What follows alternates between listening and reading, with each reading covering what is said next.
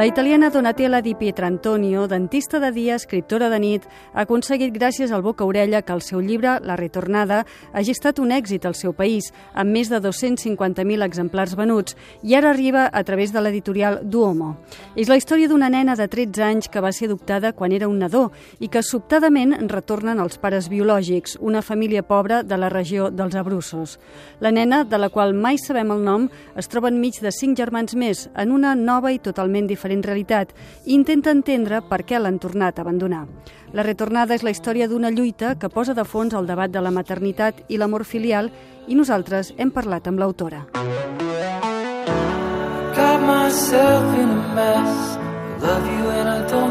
Per què va voler escriure La retornada? Potser per donar sentit al que passava a Itàlia dels anys 60 i 70, abans que la llei regulés l'adopció?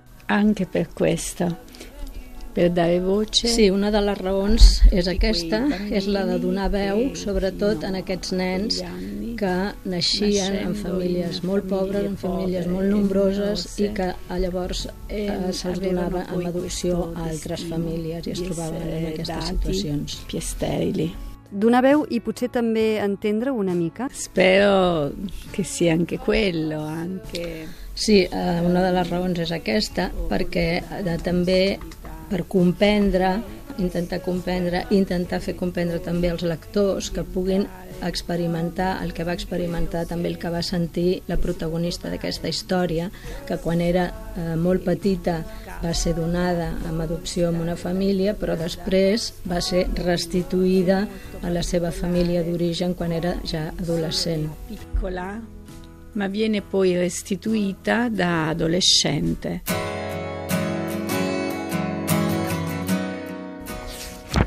Repetía despacio la palabra mamá cien veces hasta que perdía todo sentido y era solo una gimnasia de los labios. Me quedaba huérfana de dos madres vivas. Una me había dado con su leche aún en mi lengua, la otra me había devuelto a los trece años. Era hija de separaciones, parentelas falsas o calladas, distancias. Ya no sabía de quién provenía. En el fondo tampoco lo sé ahora. La protagonista diu que és orfa de dues mares supervivents. Es pot superar? Lei sopravvive a questo abbandono. Ella sobreviu, ella és una sobrevivent, sobrevivent d'aquests abandonaments. O sigui que ella ho ha pogut superar, tot i que sempre li queden unes ferides, sempre li queden unes cicatrius. El que passa és que en el llibre no es parla de la vida adulta d'aquesta protagonista, només en certs moments. El que sí que es veu és que una de les conseqüències és que ella no pot dormir o sigui que ella no, no es pot abandonar, diríem, en, a, en el son degut a aquestes ferides i cicatrius tan profundes que li queden. al son, no? A les seves novel·les investiga la maternitat i la relació mare-filla. Per què?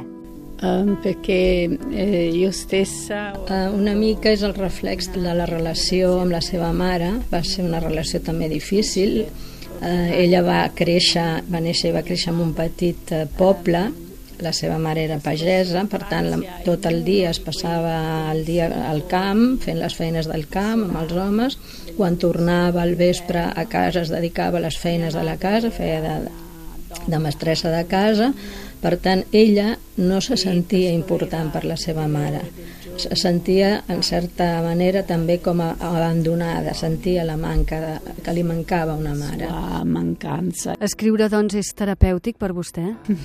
Escriure és una malaltia. Escriure és una malaltia i també és una teràpia, però eh, és, no cura, o sigui, és una teràpia però que no cura. Per tant, sempre ets empès a continuar escrivint. Si fos catàrquica, amb un sol llibre tots els escriptors en tindrien prou i en canvi t'empeny cada vegada a escriure més. Invece siamo costretti a continuare.